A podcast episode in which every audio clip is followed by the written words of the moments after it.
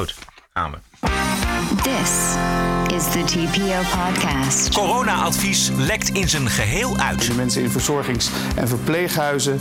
Er werd gedacht over een versoepeling van de bezoekregeling daar. De expert zegt ja, dat kunnen we eigenlijk nog niet versoepelen. Baudet bijt van zich af in Zembla. Dingen die in een context van een vrije gedachtenwisseling worden geuit, uit de context worden gelicht en als quote naar buiten worden geslingerd. En slecht nieuwsshows hebben grote gevolgen. You know, the problem with nonstop gloom and doom is it gives Trump the chance to play the optimist. And optimists tend to win American elections. Aflevering 170. Ranting and Reason. Bert Bresson, Roderick Phalo. This is the award-winning TPO podcast. Het is eh, dinsdag 21 april. Alles goed daar? Even nog het ontbijt. Beetje, ik zit nog even koffie te drinken. Ja, heel goed, jongen. Pijnlijk voor het kabinet. Het advies van het Outbreak Management Team over versoepeling van de coronaregels is uitgelekt. Eh, wat heeft het kabinet vanavond nog te melden, kun je je afvragen. Even een kort stukje uit het journaal van 12 uur. Dat er vooral op eh, de jeugd eh, enkele maatregelen gericht zijn. Dat we er nog wel even mee te maken hebben met deze anderhalve meter eh, samenleving. En als je kijkt naar ja, toch wel de allerkwetsbaarste in de samenleving, de mensen in verzorgings- en verpleeghuizen. Er werd gedacht over een versoepeling van de bezoekregeling. Daar is expliciet, expliciet over naar gevraagd aan de experts. En zij zeggen ja, dat kunnen we eigenlijk nog niet versoepelen. Maar ze, gaan wel, eh, ze stellen wel een proef voor met op eh, bepaalde plekken een versoepelde regeling. Ja. Dus een beetje, beetje, klein beetje versoepelen. Basisscholen gaan ook een klein beetje open. Maar ja, nou, ook kinderopvang, geloof ik. Kinderopvang, eh, sportscholen niet. Kun jij niet sporten? Toch, nee, dat vind ik eigenlijk dat, dat vind ik toch wel het, het meest jammer. Terwijl we toch aardige Ja. voorbeelden hebben gezien de afgelopen week van sportscholen die corona-proof wel degelijk kunnen functioneren met anderhalve Ja. meter eh, tussenruimte. Dat zit er niet in. Dat, Voor de jeugd dus wel, begrijp ik. Ja, of die- wat? Of je zat alleen buiten. Nee, dus ook de basisscholen gaan een, een- een- op een kier open. Er moest iets gebeuren. Eh, die jongeren moesten bezighouden worden. Dus die moeten weer kunnen voetballen. Of iets moeten. Ja, daar moet iets Ja. voor geregeld worden. Dat begrijp ik heel goed. Maar nog niet in een sportschool dus. Nee, maar ik las, ze mogen wel buiten sporten. Ja. Ja, dan gaat het om jongeren tot 18 jaar en topsporters, dat begrijp ik. Want die moeten natuurlijk gewoon elke dag kunnen trainen. Ja. Nou, voor wie het, de, alle maatregelen die zijn nu online. Die kan dat gewoon rustig eh, na- nalezen. En als je daar geen tijd voor hebt, dan moet je maar gewoon vanavond om 7 uur naar de persconferentie van het kabinet kijken. Want dan eh, wordt alles nog eens eh, keurig opgezond. Bloedstollend spannende persconferentie. Dat, dat, ja, precies. Nou, ja, het is natuurlijk wel zo dat dit het advies is. En de vraag is natuurlijk, het, het kabinet neemt doorgaans Oh, ja. dat advies wel één op één over. Maar ze hebben natuurlijk hun eigen verantwoordelijkheid, ehm, politiek gezien, wat ze doen met deze adviezen. Heel veel Europese landen versoepelen heel voorzichtig de eh, maatregelen. Behalve in Spanje, Bert. Wat is er aan de hand in Spanje? Hier zit, het punt is natuurlijk dat hier, eh, dit eiland is, eh, ja, ik denk dat er eh, veel mensen leven best wel in armoede. Of armoede, eh, laten we zeggen op bijstandsniveau. Eh, veel, je ziet in Las Palmas eh, veel groezelige hoge flats met kleine kamertjes. Ja, eh, relatief veel, eh, veel, veel grote gezinnen. Eh, veel mensen die eh, normaal gesproken liefst met z'n allen bij elkaar zijn, met de familie. Ik denk dat de cabin fever hier wel een beetje toeslaat bij veel mensen. Dus ik geloof, ik denk niet dat ze het nog heel lang volhouden, dat ze daar nog heel lang zin in hebben. Nee. Ik wou nog eventjes terug naar de jongeren in de Molukkenstraat in Amsterdam. Oost die vorige week twee homo's uitscholden. Parool publiceerde een vlammend betoog van een docente met begrip voor deze homo-haters. En gistermiddag was het te horen op Radio 1. Vooral bij mijn klassie is hetzelfde gevoel van ik hoor er niet bij en ik word de hele tijd aangekeken op mijn afkomst. Dat zegt Ilias zegt dat zelf ook in die video. En dat is natuurlijk geen excuus voor om allerlei verkeerde vreselijke dingen te doen. Maar dat gevoel zit heel diep bij die jongeren. Weet je, als je door de supermarkt loopt, kijken mensen je na van neem je niet iets mee. In de tram houden ze hun tas net wat steviger vast. Als een voetbalpartijtje spelen worden ze uitgescholden. En dat gevoel zit diep en dat herken ik heel erg. En ik denk dat het belangrijk is dat we ook daarover met elkaar in gesprek gaan. Dus volstrekt kausaal verband tussen nagekeken worden in een supermarkt en homo-haat. Ja, het is eigenlijk de schuld van eh, de white privilege en, eh, de- en eh, de racist in Nederland. Ja. Eigenlijk. Nieuw voorbeeld afgelopen week in Monnikendam. Jongeren die oudere mensen uitschelden en bespugen. De jongeren die maken de ouderen bang met ik bespuug jou en nu heb je ook corona. Ja. De gemeente Waterland houdt de kiezen stevig op elkaar. Het zijn uh, jongeren die zich af en toe uh, niet goed gedragen. En uh, wij willen ze zeker niet, nou, het is misschien te overdreven, demoniseren. Het is natuurlijk ook moeilijk voor ons hè, om dat te vertellen. Want dat heeft alles met privacy te maken. Dus ik denk dat dat heel lastig is. Nee, ik vraag ook niet om namen en rugnummers hè, van die jongeren. Dit is wat dat betreft, de privacy Mhm. speelt dan eigenlijk geen rol. Maar ik zou weer iets meer in algemene zin willen weten over Ja. de achtergrond van de jongeren. Dat is eigenlijk waar ik op zoek ja. naar ben. Ja, dat, ja. Nou, daar kan ik nu geen eh, antwoord op geven. Ik wil het nog eh, navragen, maar ik denk eh, dat ik het antwoord al weet. Dat we daar geen mededelingen over doen. Maar Nee, en het wel eh, voor u na. Ja, en waar doet u dan geen mededeling over? Nou ja, wat voor soort jongens het zijn. dat, dat we alleen zeggen, het is een groep jongeren van negen. Ze zijn bij ons bekend en ze zijn waarschijnlijk tussen de 14 en 18 jaar. Zoiets. Ja, dat is wat wij eh, bekendmaken. Maar ik wil het nog een keer vragen. Ja, ik zie dus- ook dat ik eh, Ja. een vergadering ga beginnen. Oké. Ja. Nee, eh, het gesprek had nog langer kunnen duren, maar er was een vergadering was er gaande. Eh, althans, die was al stond op het punt van te beginnen.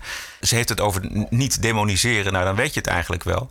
Maar het- Niet demoniseren. Ik, ik, ik, dat, ik, dat begrijp ik dus niet. Dit zijn jongeren die, en voor zover ik al, al begrijp, is het al, eh, gaat het al eh, jaren, 15 jaar of zo, is het al een probleem bij, bij deze groep ouderen op deze plek met jongeren. Dus dat is al best wel een tijd. Zeg maar, dat zijn dan ook verschillende generaties jongeren. Dus dan echt broer op broer die dan elkaar doorgeeft om de ouderen daarin bij de aanleunwoningen lastig te vallen. Het is een soort, soort traditie geworden in Monnikendam. En dan zeggen ze, we willen de jongeren niet demoniseren. Ja, het is een rare kramp. Want eh, het, waar het volgens mij om draait is dat er een probleem ligt bij de jongeren. Ik, had het op een gegeven moment ook in het gesprek over gedragsproblemen. Nou, daar kun je toch best wel van spreken als je een nietsvermoedende ouderen bespuugt. En hè, dat zijn toch best gedragsproblemen. Nou, die gedragsproblemen die komen vast ergens vandaan. En dat is, daar zijn ook al eindeloze onderzoeken over, eh, naar gedaan waar die vandaan komen. Nou, je zit tussen twee culturen. Thuis deze cultuur, eh, buiten die cultuur. eh, rare eh, verkeerde opvoeding, geen respect. Wil je uiteindelijk die jongeren waar we het over hebben uit die statistieken... want dat, wie wil dat niet? Dat wil ook deze gemeente, dat wil iedereen. Dan moet je het pro- probleem dus bespreekbaar maken. Dan moet je dus zeggen, oké, dit is er aan de hand. En dan benoemen we paard en man. En dan gaan we daar een oplossing voor vinden. Toch?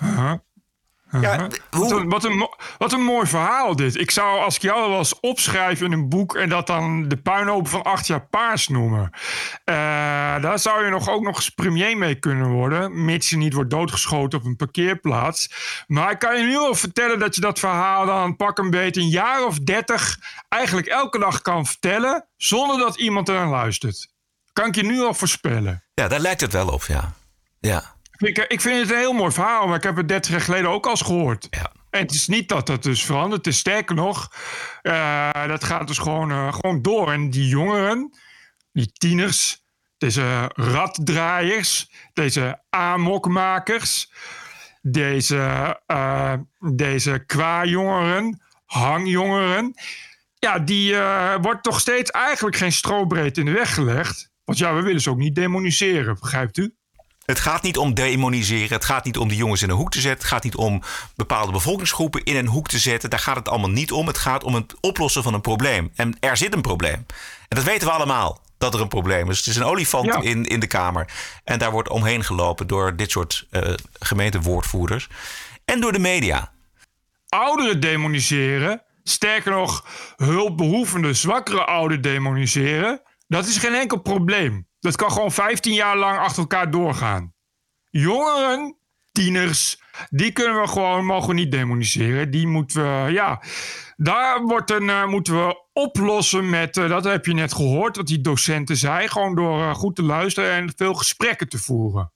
Thee drinken, Ja. luisteren, gesprekken voeren, hulpverleners erop zetten, evaluatiegesprekken houden in de gemeente. Dat werkt heel goed. Het is in Amsterdam heeft het ook goed gewerkt. We hadden ooit lang geleden problemen met jongeren, tieners in bijvoorbeeld de Diamantbuurt. En uiteindelijk is dat helemaal goed gekomen, want die jongeren die zijn enorm geklommen in de carrière en die zijn nu de baas van de mokromafia. Dus die verdienen gewoon heel veel geld. Wat uh, dan niet per se uh, waar belasting over wordt betaald, maar wat wel op een, een of andere manier terugvloeit in de economie, mag je hopen. Dus dat heeft ook voordelen. Ik noem maar wat. ja, zucht, zucht, maar even. Ja. Die woordvoerder van de gemeente Waterland die zei ook nog tegen mij: uh, We willen met die jongens in gesprek, want die jongens oh. hebben ook een verhaal. Ja, dat kan ik me wel voorstellen. Die hulpbehoevende ouderen dag in dag uit. Waar je dan tegenaan moet kijken als je net een beetje lekker aan het rondhangen bent op je scooter. Terwijl je bierblikjes aan het rondstrooien bent en overlast aan het veroorzaken. Elke keer dat vervelende, blanke, uitgemergelde gezicht. Waar je dan tegenaan staat te kijken van die saaie huisjes. Daar word je ook een keer moe van. Dus ik begrijp wel dat je dan die uh, ouderen een keer ook gaat treiteren. TPO Podcast. Bert, we moeten het nog even hebben over de Zembla-uitzending van afgelopen donderdag. Over de vermeende Rusland-connectie van forumleider Thierry Baudet. In de uitzending kwamen aan het woord Kamerleden, oud-strijdmakker Henk Otte, Russische campaigner, allerhande duiders. En Baudet zelf. En de bron voor alle vermoedens over een Rusland-connectie zijn berichten uit een appgroep van Forum. Uh, die Zembla heeft ingezien. En ik heb een paar fragmenten. Maar wat was jouw algemene indruk van deze Zembla, Bert?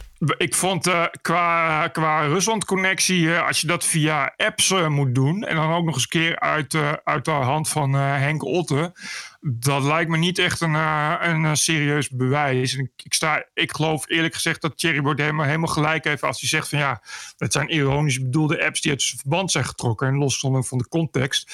Als je mijn apps gaat lezen die ik dagelijks verstuur aan mensen... dan zit het ook elke, elke drie apps een Hitler-grap in...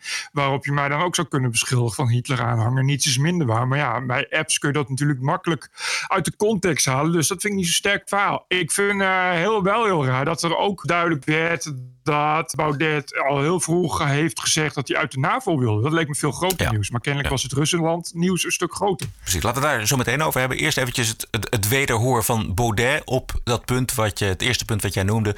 Namelijk, welke conclusies kun je trekken uit apps in een appgroep? Ik vind het echt een probleem van deze tijd. En ik weet niet precies hoe deze uitzending wordt. Maar als dat ook zo naar voren komt. Dat dingen die in een context van een vrije gedachtenwisseling worden geuit, uit de context worden gelicht en als quote naar buiten worden geslingerd. Van Baudet zegt: Ik wil dit, zus of zo. U vindt niet dat wij hieruit mogen citeren? Inderdaad, ik vind dat dit soort apps-conversaties, uh, dus een ontzettende hoeveelheid discussie, altijd binnen onze partij, maar goed ook. En dat is onderdeel van ons interne afwegingsproces. Het staat wel goed in elkaar, moet ik zeggen. Ik had het eigenlijk suggestiever verwacht.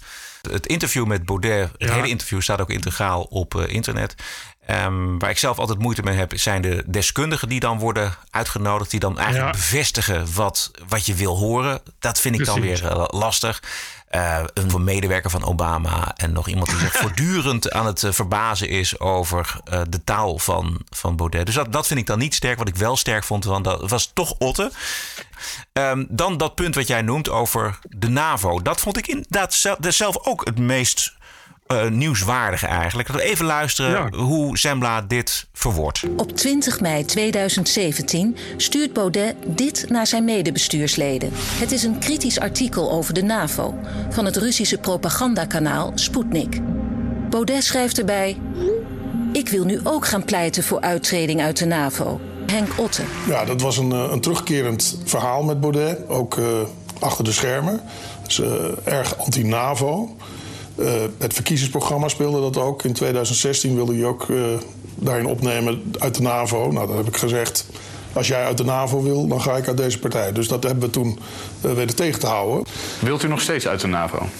nee, maar ik wil ook. Ik wil, kijk, dat is heel belangrijk. Ik, ik ben niet een voorstander van uittreding uit de NAVO. Maar um, ik acht het wel een heel belangrijke discussie. waarin je ook de vrijheid moet hebben om advocaat van de duivel te spelen. U vond het op dat moment eigenlijk helemaal niet echt dat Nederland uit de NAVO moest. Nou, dan is de vraag wat je, noemt met, wat je bedoelt met echt vinden. uh, nou, u zegt laat... zelf, het is de logische consequentie van wat ik gisteren vertelde. Onvermijdelijk noemt u het zelfs.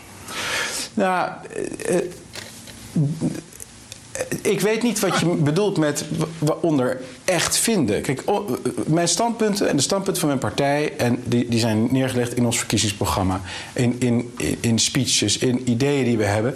En daar zit een hele wereld achter van uh, tegengestelde opinies door je heen laten gaan, daar eens even goed op kouwen. Maar dat is toch een dus simpele vraag, meneer Baudet. Ja, maar... U zegt daar, ik, ga, ik wil nu ook gaan pleiten voor uittreding uit de NAVO. Daar kunnen we een heel lang verhaal over houden. Maar de vraag is gewoon, vindt u dat nog steeds? Ja, maar ik maak bezwaar tegen het woordje nog steeds. Want uh, het is niet zo dat ik één ding vind. Ik laat allerlei gedachten door mijn hoofd heen gaan. Ja. Ja, hij vindt dat dus. Hij vindt dat dus, precies. Hij, vond, dat, hij, hij vond het in ieder geval. Precies. En dat kun je ook... Wat ook, ja? wat ook niet raar is, vind ik. Bij zijn partij. Um, nee. Uh, als je bedoelt van Nederland, de natiestaat moet zich onttrekken aan uh, alle Precies. grote uh, organisaties. En in Europa zijn dat er twee: de Europese Unie en de NAVO. Ja, ja want je moet altijd veel geld betalen om bij te dragen aan de NAVO. En, uh, en, en, een resultaat van NAVO-lidmaatschap is dat, dat je zegt van nou, we gaan het uh, Europees doen. En we, we gaan alleen in Nederland duikboten en mijnenvegers, want dat is dan waar we goed in zijn. En zo kunnen we bijdragen aan internationale missies, die ook veel geld kosten en levens. Ja, en als je zoals Baudet voor de natiestaat bent, dan is het natuurlijk het idee dat een natiestaat zichzelf kan verdedigen met een compleet leger. Nee, die gedachte begrijp ik ook wel. Hoewel je dan ook wel kan zeggen, nou ja, dan, moet je, dan ga je er dus blijkbaar van uit dat er geen enkele dreiging is in Europa. Dan heb je het alleen maar over internationale missies. Nou, die bedreiging die kan er nu niet zijn en die kan er op een gegeven moment wel zijn, denk ik. Ik bedoel, denk dat het. Denk, ik zou meer voor de lijn Otte kiezen, maar ik wil voorstellen dat we uit de NAVO treden. Dat, kan weer, dat, dat ondersteunt natuurlijk wel dat hele Rusland-verhaal van Zembla. Ja. Dat, Want Rusland wil natuurlijk niks liever dan, ook al is het maar een, een, een klein lidstaatje, een klein landje, uh, dat uh, de NAVO verder afbrokkelt. Want die, die, ja. die, ziet dat niet zitten. Weet je, dat is dat je voordat je je beleid bepaalt, spelen er meerdere gedachten. Dus dat zegt hij ook van ja, het is natuurlijk wel een, een vrije uitwisseling van gedachten. Dus dat is niet zo raar. Ik merk wel als een reactie dat hij. Uh, dat hij geen ja durft te zeggen. En dat het natuurlijk is iets wat bij hem persoonlijk speelt, maar waarin hij concessies doet. Bovendien, als hij zegt ja, dan krijg je dus inderdaad van god, dat is dan wel weer een connectie met Rusland. Uh, en, maar ik vind dat wat anders dan te zeggen, ja, je, je, wordt gesteund door de Russen. Of, weet je, of je bent, ja. of, of, pro, of je bent pro-Russisch. Ja. Dat, is, ja, dat lijkt me iets, iets heel anders. Ja, dat heeft Zembla niet, of in ieder geval onvoldoende aangetoond, kunnen aantonen. Want er waren geen geldstromen. Er was, kijk, ik geloof dat Baudet wel met iedereen en alles praat. En zeker in de tijd van dat Oekraïne-referendum. Uh, maar dat doet hij sowieso altijd. Dus dat is op zich is dat, vind ik dat geen bewijs. Nee, en bovendien, uh, ja, het is natuurlijk geen geheim dat hij, uh, hij net als Wilders pro-Russisch is dan alle andere partijen. Weet je, dus ja, dat, maar dat, dat, dat betekent nog niet dat hij zich laat betalen door Rusland of zo. Nee. Hij wil alleen openlijk niet zo'n vijand zijn van, uh, van Rusland. Dat, dat hoort natuurlijk een beetje bij zijn partij. Hè? Wat ik zeg, dat zie je bij, bij de PVV en Wilders ook. Dat hoort natuurlijk ook wel een beetje ja. aan de rechterkant van het politieke spectrum. En hij heeft natuurlijk wel, uh, ja, wat je zegt, natuurlijk met iedereen gepraat. Heeft zich laten beïnvloeden door, door Kolminov, hoe heette die? Ja. Door, door, door, door campaigner, door, Russische campaigner. Ja, Russische campaigner. Ja, maar goed, ja, weet je, dat is nog niet hetzelfde als dat je, dat je elke dag een zak roebels ontvangt nee. vanuit het Kremlin. Nee. Plus moet je het decor in uh, ogenschouw nemen, want heel Nederland was en is heel erg op zijn hoede voor Rusland. Rusland is het grote gevaar. Uh, dus dat is het decor. En dat dan een Baudet en een partij en misschien ook wel Wilders dan op een gegeven moment zeggen: ja, maar wacht even, laten we nou eens eventjes uh, kijken naar de, naar de realiteit. Hè? En dat, dat doen ook ex-correspondenten als Alexander Munninghoff doen dat. En dat doen zijn heel veel mensen die op een genuanceerde manier kijken naar Rusland.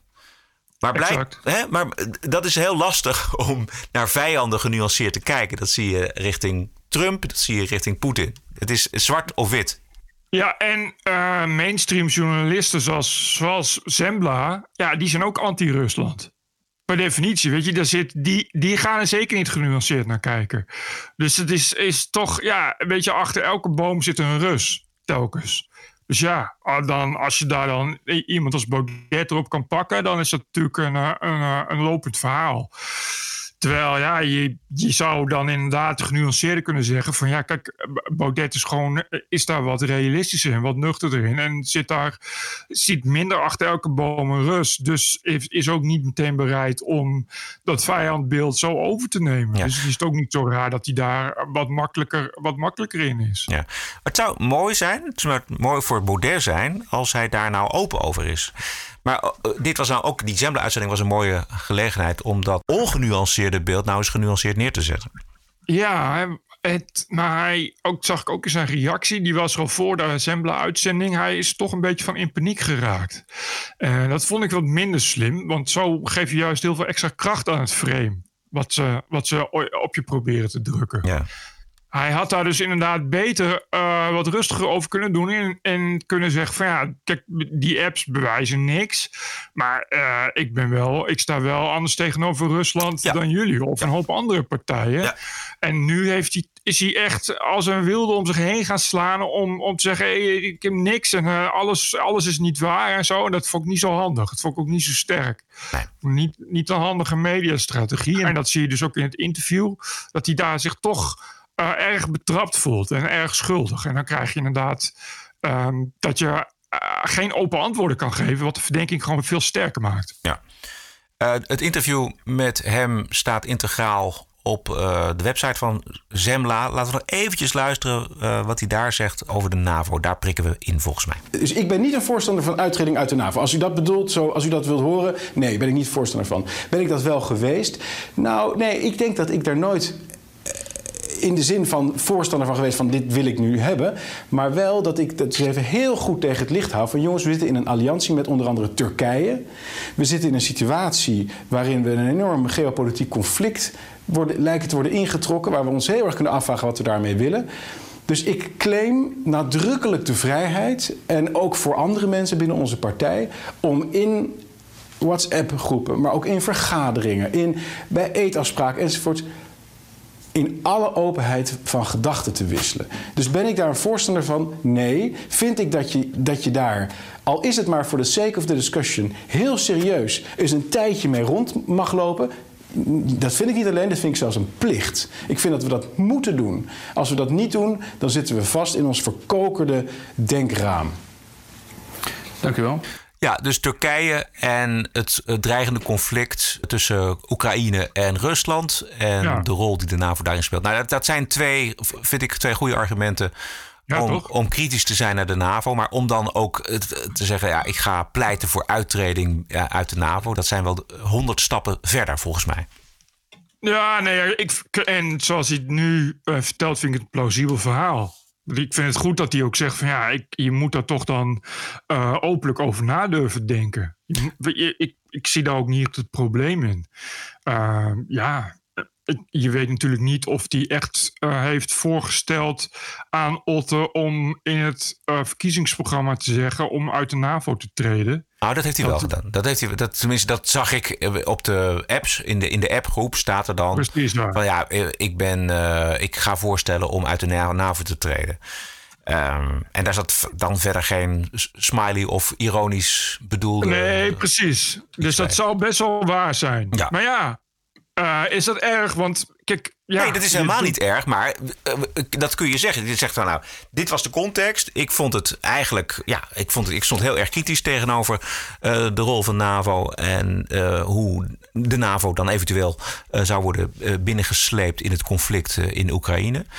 dus ik heb erover nagedacht, we hebben erover gediscussieerd, maar dat is er uiteindelijk niet van gekomen. Nee, ja, precies. Zoiets. Dat is dan toch, toch een helder verhaal, ja. Goed, langs de zijlijn kun je het altijd makkelijker misschien formuleren dan uh, in the heat of the moment. Maar nou ja, het is zijn verantwoordelijkheid. Ja, maar ja, ik vind, uh, ja, ik, ik blijf bij dat, dat via apps, ja, ik vind het allemaal niet zo sterk. Als ik nu zeg, ik word betaald door Poetin, is er niemand die dat gelooft. Maar ik kan, uh, je kan dat fragment monteren. Dat je alleen maar hoort, mij hoort zeggen: Ik word betaald door Poetin. En dan kun je zeggen: Ja, zie je, hij wordt betaald door Poetin. Want hij zegt het zelf. Weet je, dat is, ja, dat is, dat is een beetje, vind ik een beetje, een beetje makkelijk allemaal. Hm. Dus ik begrijp gewoon niet zo.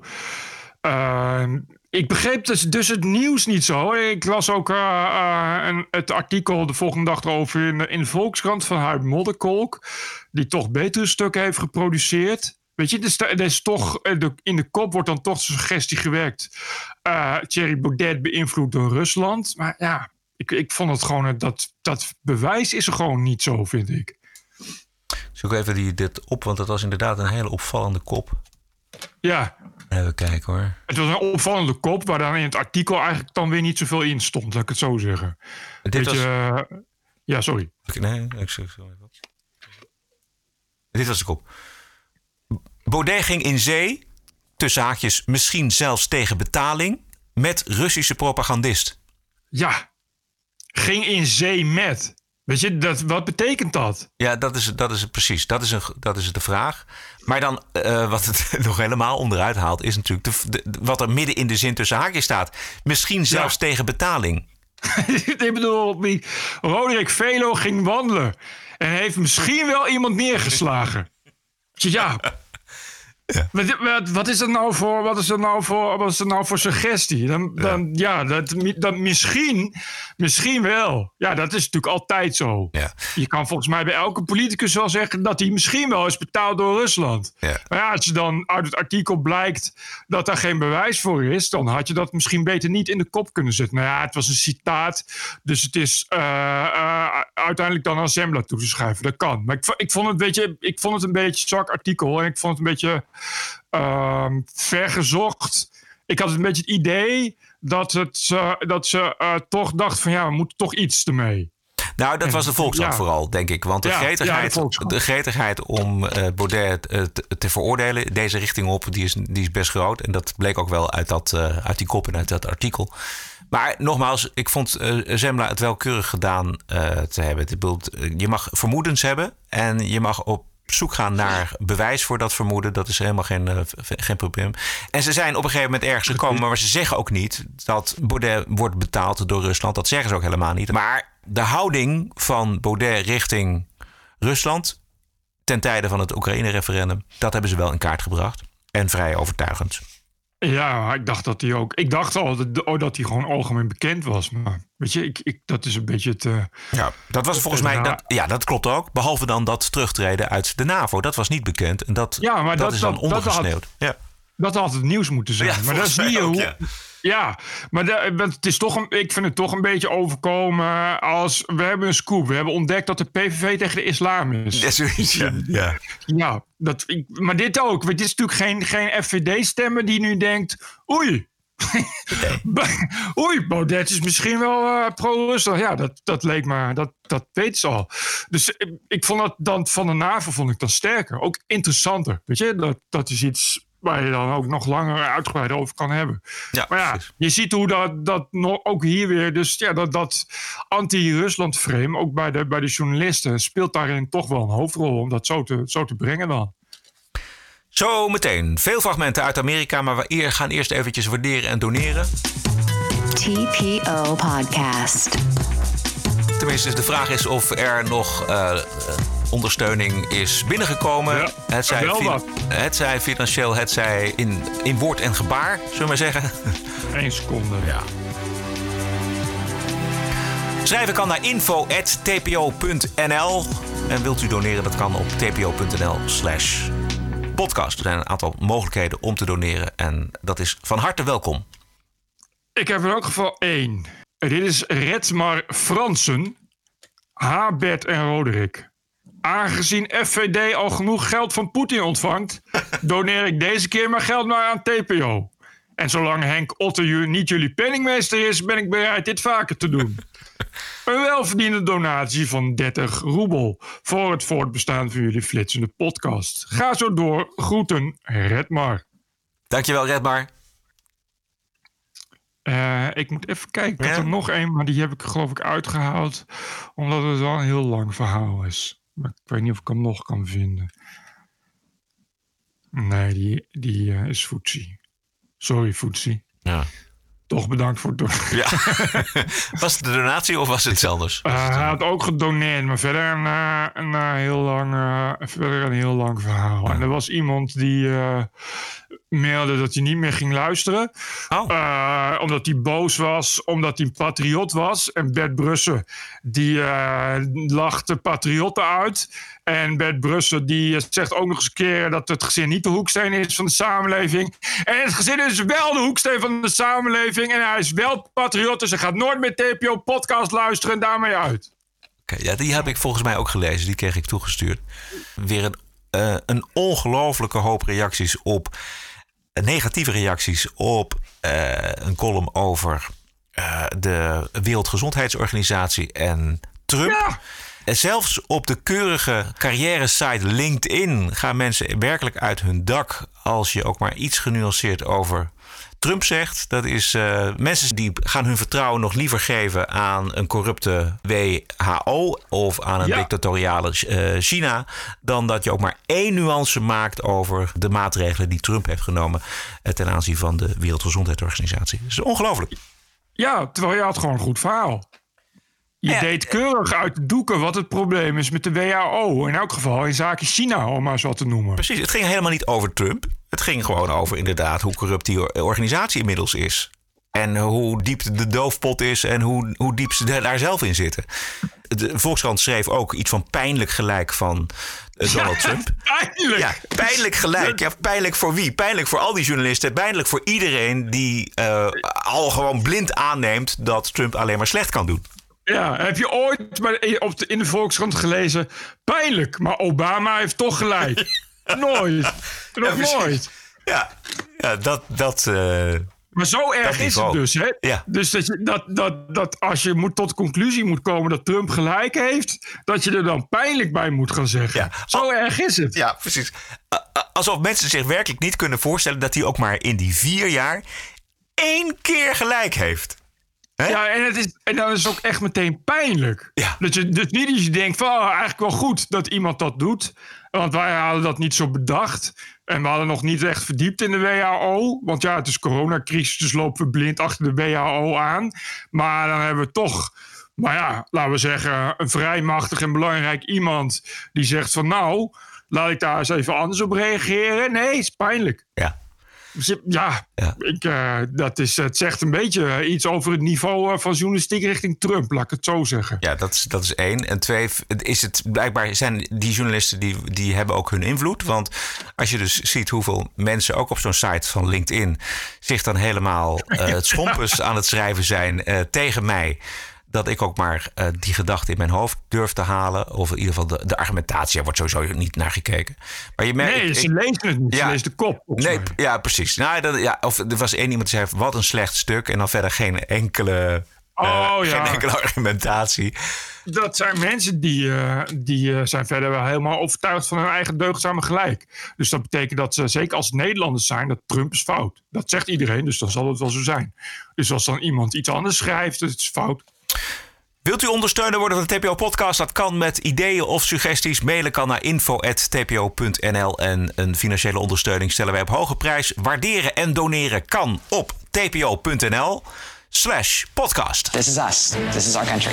This is CNN breaking news. I believe that the president is literally an existential threat. Stop the hammering out there. Who's got a hammer? Make America great again. New York Times and CNN have also smeared veterans like myself. This video was taken during a heated exchange with an unidentified man who called Cuomo Fredo. Stop the hammering. This is the TPO podcast. News 630 WMAL, Washington. De meeste Amerikaanse mediabedrijven die blijven de coronacrisis dankbaar gebruiken voor de anti-Trump-campagne die al ruim drie jaar aan de gang is. Aangezien nu Joe Biden de democratische kandidaat lijkt te worden, wordt hij met man en macht gepresenteerd als beste alternatief voor Trump. En eh, Joe Biden die zat samen met zijn vrouw in de ochtendshow van MSNBC, Morning Joe heet dat programma. En de aankondiging zet de toon al. Former Vice President Joe Biden and former Second Lady of the United States States, author and educator, Dr. Jill Biden. It is great to have you both on the show with us. Thank you so much for being Thanks. with us. And Thank you. It, it, it's great seeing you. I, I want to ask you, uh, Mr. Vice President, to talk to the people who are hurting and suffering right now. Willie and Meek and I were talking earlier about what a shame it is that right now, in the middle of a pandemic where over 30,000 people have died, hundreds of thousands have been impacted and are suffering right now, either by this disease or being out of work. They don't have a national leader that can express empathy. Could you talk to them as a man who's endured loss and, and, and tell them uh, what's on your mind right now and how, how you understand what they're going through? De rode loper. Van een kilometer breed.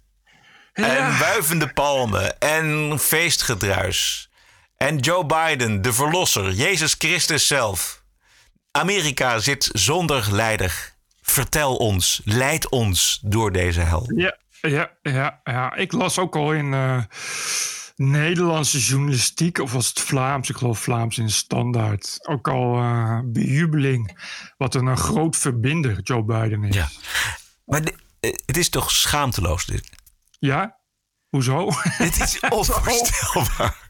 Ja, nog een klein stukje. Well, Joe and Mickey, I really mean it. What's on my mind is there in my mind. I mean, people are frightened. They're frightened.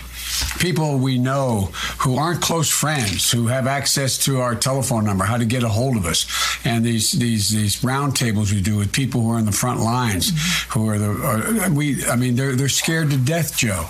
Joe, basic things like how how do I go home? Ja.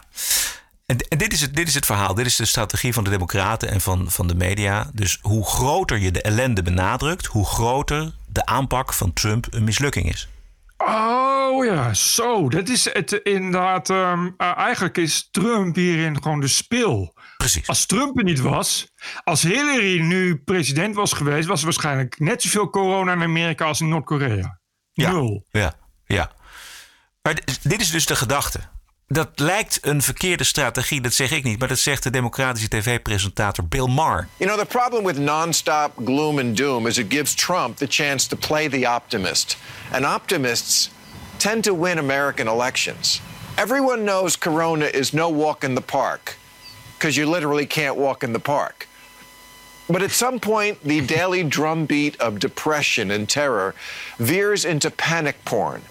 Enough with the life will never be the same headlines. The New York Times, braced for apocalyptic surge, New York avoids worst so far. And this was an article about how much better the city was doing than expected.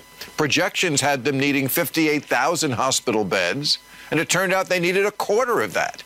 Still bad, but you don't have to put hot sauce on a jalapeno.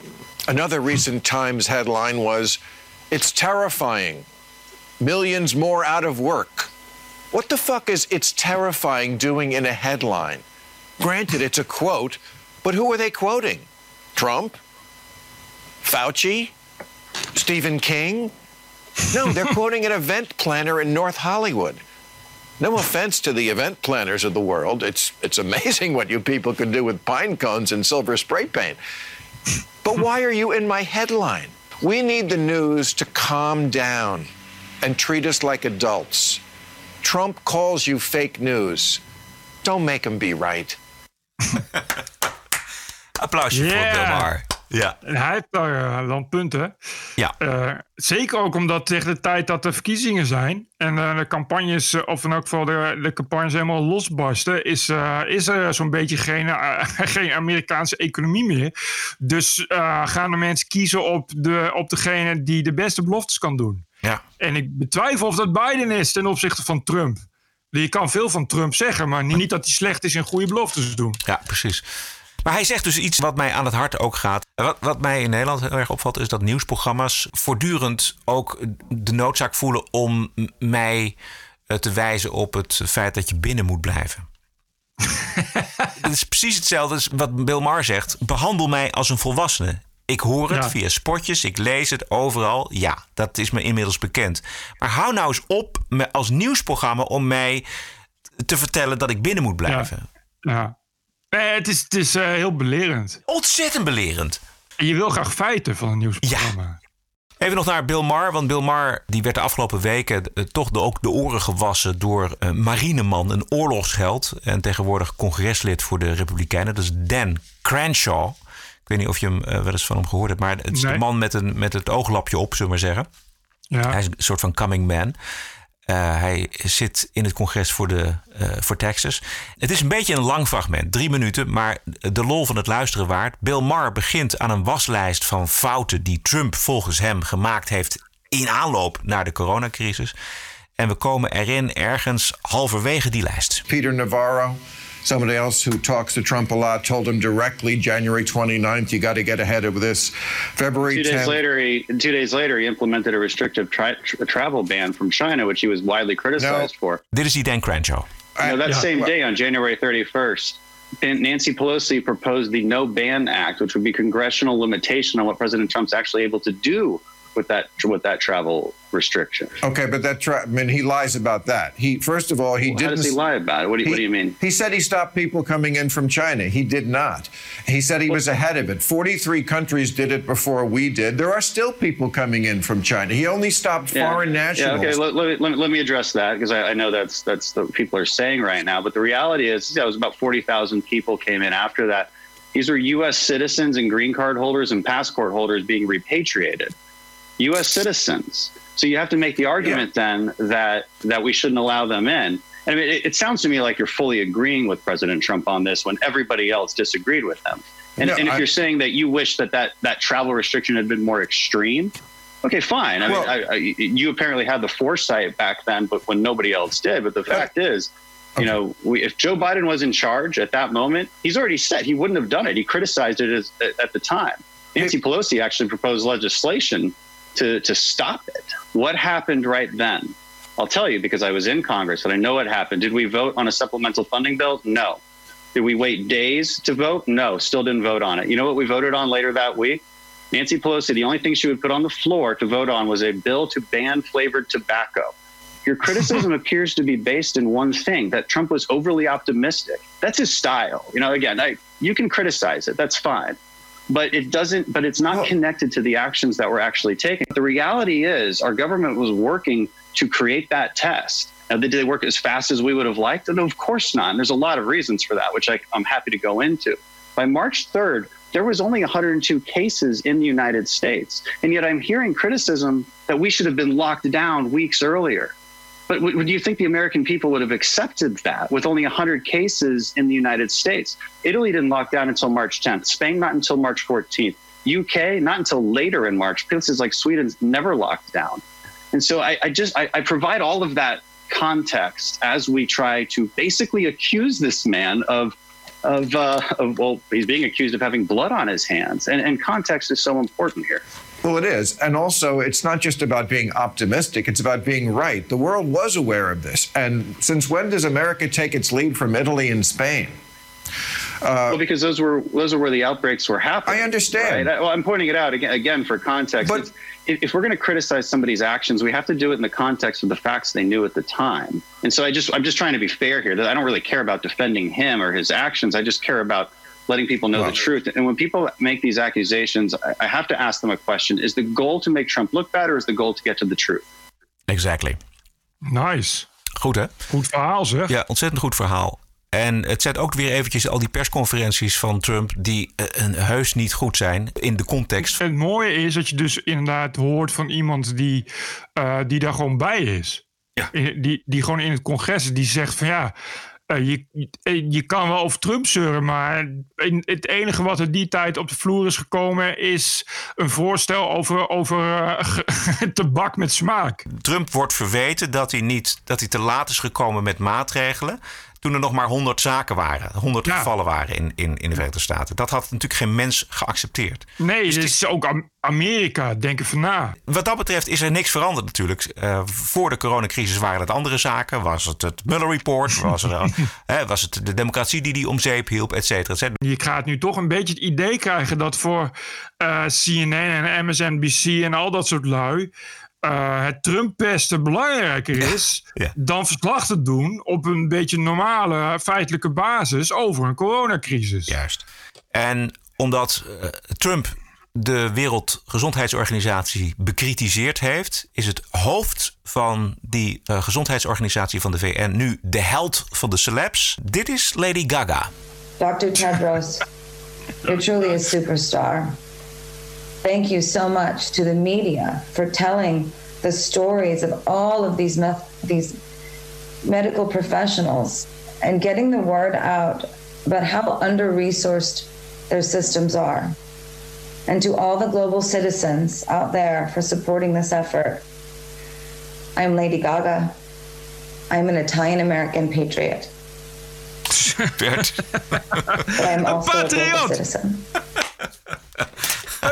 Echte patriot. Heel goed, Lady Gaga. Was Lady Gaga niet ook degene die eh, Hugo de Jonge had getwitterd? Ja, precies. precies. Oh, hoor je mij? Ja, ja ik hoor je. Het gaat goed. Ah.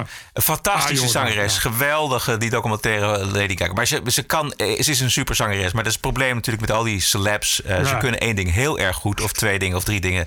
Maar dat je een corrupte organisatie en, de, en, en een nog veel corruptere leider van die organisatie een superster noemt. Ja, de nuttige idioot. De, zo waren de fellow travelers. Zo waren de nuttige idioten, precies.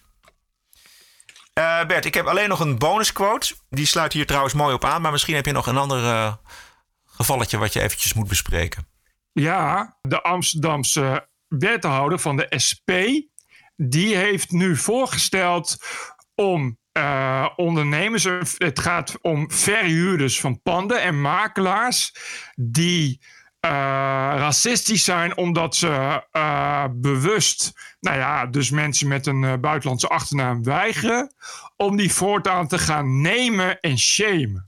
Oh, dat, dus, dat plan was er al langer volgens mij. Ja, en dat is nu in, in kannen en kruiken gegoten. Dus, dus wethouder Evans gaat nu, heeft nu dit voorstel wordt naar de gemeenteraad gestuurd. Ik vind dat zo absurd dat ik daar wakker van lig. Ja. Dat is, dit zijn totalitaire trekjes. Je kan niet als gemeentebestuur gaan voorstellen om mensen die volgens jou dingen doen, maar die niet te bewijzen zijn, dan maar op basis van klachten te gaan nemen en shamen. En zo zo'n beetje een hele bedrijf kapot te maken. En in de toekomst, want dan komt het op internet en dan gaat het nooit meer weg. Dus dan, als er dan drie keer iemand is die zegt van deze makelaar die laat mensen met een, laten we zeggen, uh, Surinaamse achtergrond minder snel uh, intekenen op woningen dan mensen met een, uh, met een Nederlandse blanke achtergrond. Die is die en die, die gaan we kapot maken. Dat is toch raar dat je dat als, als wethouder voorstelt? Ik vind dat echt bizar. Nou ja, wat zou kunnen. Kijk, discriminatie mag niet. Dus eh, ook op dat gebied mag het niet. Maar de vraag is natuurlijk: is er sprake van discriminatie? Nou, dan moet je dus naar een rechter. Ja, precies. Exact. Dat, dat is de weg. Dus het hele punt. Ja. Dat je daar een rechtsstaat voor hebt die dan gaat zeggen: dit is, dit, is, ik heb, dit is bewijs of er is geen bewijs. En nu is er bewijs, dus nu krijg je een gepaste straf, een boete of een gevangenisstraf. Maar dit is wat anders. Dit is, uh, dit is, ik, ik geloof dat het idee is dat er dan gewoon een commissie komt. Maar in elk geval dus, dus uh, het gemeentebestuur zelf en we kennen het gemeentebestuur in Amsterdam. Dat is beslist objectief in dit soort zaken. Dat is het gemeentebestuur zelf gaat dan beslissen dat iemand schuldig is. En het gemeentebestuur zelf gaat dan ook straf uitdelen. Namelijk oh. aan het schandpaal na. Ze, ze, komen helemaal niet bij de rechter terecht. Nee. Oh, ik dacht, ik dacht, ze gaan naar de rechter en dan zegt de rechter dit mag niet. En dat, dat er dan pas uh, naming en shaming plaatsvindt. Nee, nee, nee. Het gaat echt om uh, naming en shamen. Ze slaan de rechter over eigenlijk. Ze slaan ja, de rechtsstaat dus over. Niet. Dat kan dus niet. En je kan ook niet zomaar gaan shamen. Dat mag ook niet. Terwijl de burgemeester die zegt van de rechtsstaat is je vriend, ook in deze tijden. Nou, dat viel mij dus ook al op. Dus ik ben erg benieuwd wat onze geliefde GroenLinks-burgemeester daarvan gaat zeggen. Want op deze manier is de rechtsstaat niet bepaald je vriend. Nee. TPO Podcast. Uh, de bonusquote sluit mooi aan bij alle emoties en is van CNN. Maar voordat we die bonusquote loslaten, even ter herinnering uh, hoe feitelijk het nieuws op CNN was. Dit is het begin van de Golfoorlog. Okay, John, what seemed to have happened about 20 minutes ago, the anti-aircraft weapons in the city center where we are living around the government buildings erupted in fire. There must have been 200 guns firing to the sky. Uh, we did not see any aircraft around, but we did hear the alarm sirens. About two minutes after that, there were loud explosions, obviously bombing in at least three parts of the outskirts of the city. 1991, Bagdad. Wauw. News reporting. Wauw. Toen nieuws nog nieuws was. En dit is CNN afgelopen weekend. It's okay to not be okay right now. That's the main thing I want to say to everyone watching. All of us are grieving, whether we sense it or not. All of us have lost something in the past few weeks. Some have suffered the ultimate loss of a father or mother or spouse or relative. Others have lost livelihoods. They've lost access to family and friends. Just losing the rhythms and routines that make life what it is is, is a profound loss. We're all grieving. But I have to admit to you, I had tried to bottle it all up. I guess I was trying to be stoic for my wife and kids. It wasn't until um, this Friday night that I hit a wall. I was supposed to be finishing my nightly newsletter that I, that I mentioned earlier. Um, but I couldn't do it. I couldn't get it done. I was so gutted by the death toll. I was so angry about the ignorance in Washington. I, I was so worried about family members and friends who uh, are at risk of losing their jobs or who have already lost their jobs. It was that mix of emotions um, that many of you also feel. And that's when the tears came. we don't talk about this on TV much. I think we should change that. Dit is Brian Shelter, CNN anchor, news reporter. Dit is CNN. Ja. Luister, ik weet hoe dat werkt, die nieuwsuitzendingen. Dat zijn, zeker bij CNN, voor het grootste gedeelte allemaal uh, teleprompter. Dat is autocue. Ja. Dus je moet eventjes in gedachten nemen dat deze uh, man dit allemaal van tevoren heeft opgetikt. En dat Ja. dit allemaal van tevoren, dat, dat iedereen weet hiervan. En de camera, Ja. de regie weet hiervan. Dus hij weet, de, de regisseur weet, als Brian Shelter op een gegeven moment daarover begint, dan, dan maak ik een close shot. Het lijkt alsof het spontaan is. Dat is het totaal niet. Nul spontaniteit. En hij, hij, hij pakt dus die coronacrisis en hij, hij, hij betrekt het op zichzelf. En toen kwamen de tranen. En ik kon de familie niet bereiken, et cetera, et cetera. En als je dat afzet tegen het origineel van CNN uit 91. Ja, het is hele ranzige kietje. Het is onvoorstelbaar ranzig. Ik ging tegen het plafond toen ik dit hoorde. Ja, nee, ik snap, snap ik. ik maar, en, en dit is ook gewoon een anker, hè?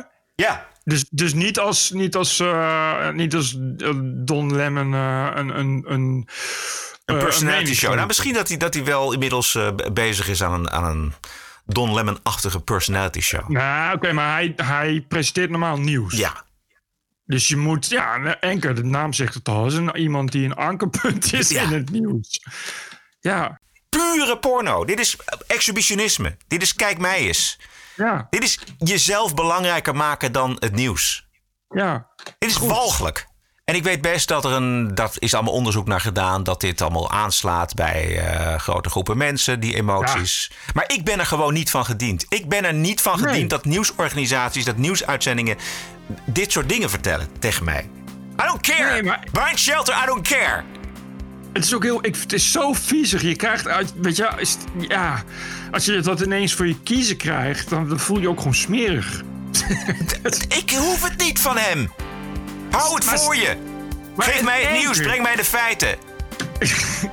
Maar een anker, hè? stel je voor dat je het Nos Journaal zit te kijken... en dat die Annegien Steenhuizen dan ineens zegt... ik wil nu even iets persoonlijks met jullie delen. Ja. Weet je? Gaat ze gelukkig Dat van, nou, ik, ik, dat, dat je dat ineens zo uit het niets zegt van... ja, ik wil toch even delen dat ik... eh, ja, dat mijn gemoed dan vol schiet. Ja, close shot. Ja, ja, ja, ja, ja. De close shot. En dat er dan gewoon twee minuten monoloog komt. Met een gespeelde traan in haar oog. Over hoe zwaar ze het heeft toen ze, toen ze vandaag het nieuws moest worden. Dat, dat, zou, dat zou toch niemand pikken? Goed, ehm, tot zover deze aflevering 170. Wat een mooi getal, 170. Eh, com- Commentaar mag naar info.tpo.nl en financiële ondersteuning wordt zeer gewaardeerd. Wilt u doneren? Ga dan naar tpo.nl slash podcasts. Wij zijn terug dinsdag 28 april. Heb een mooie week en tot dinsdag. TPO Podcast. Bert Bruson, Roderick Balo, Ranting and Reason.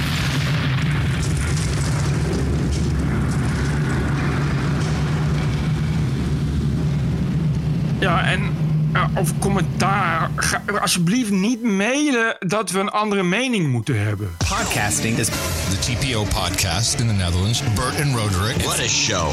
I'm telling you.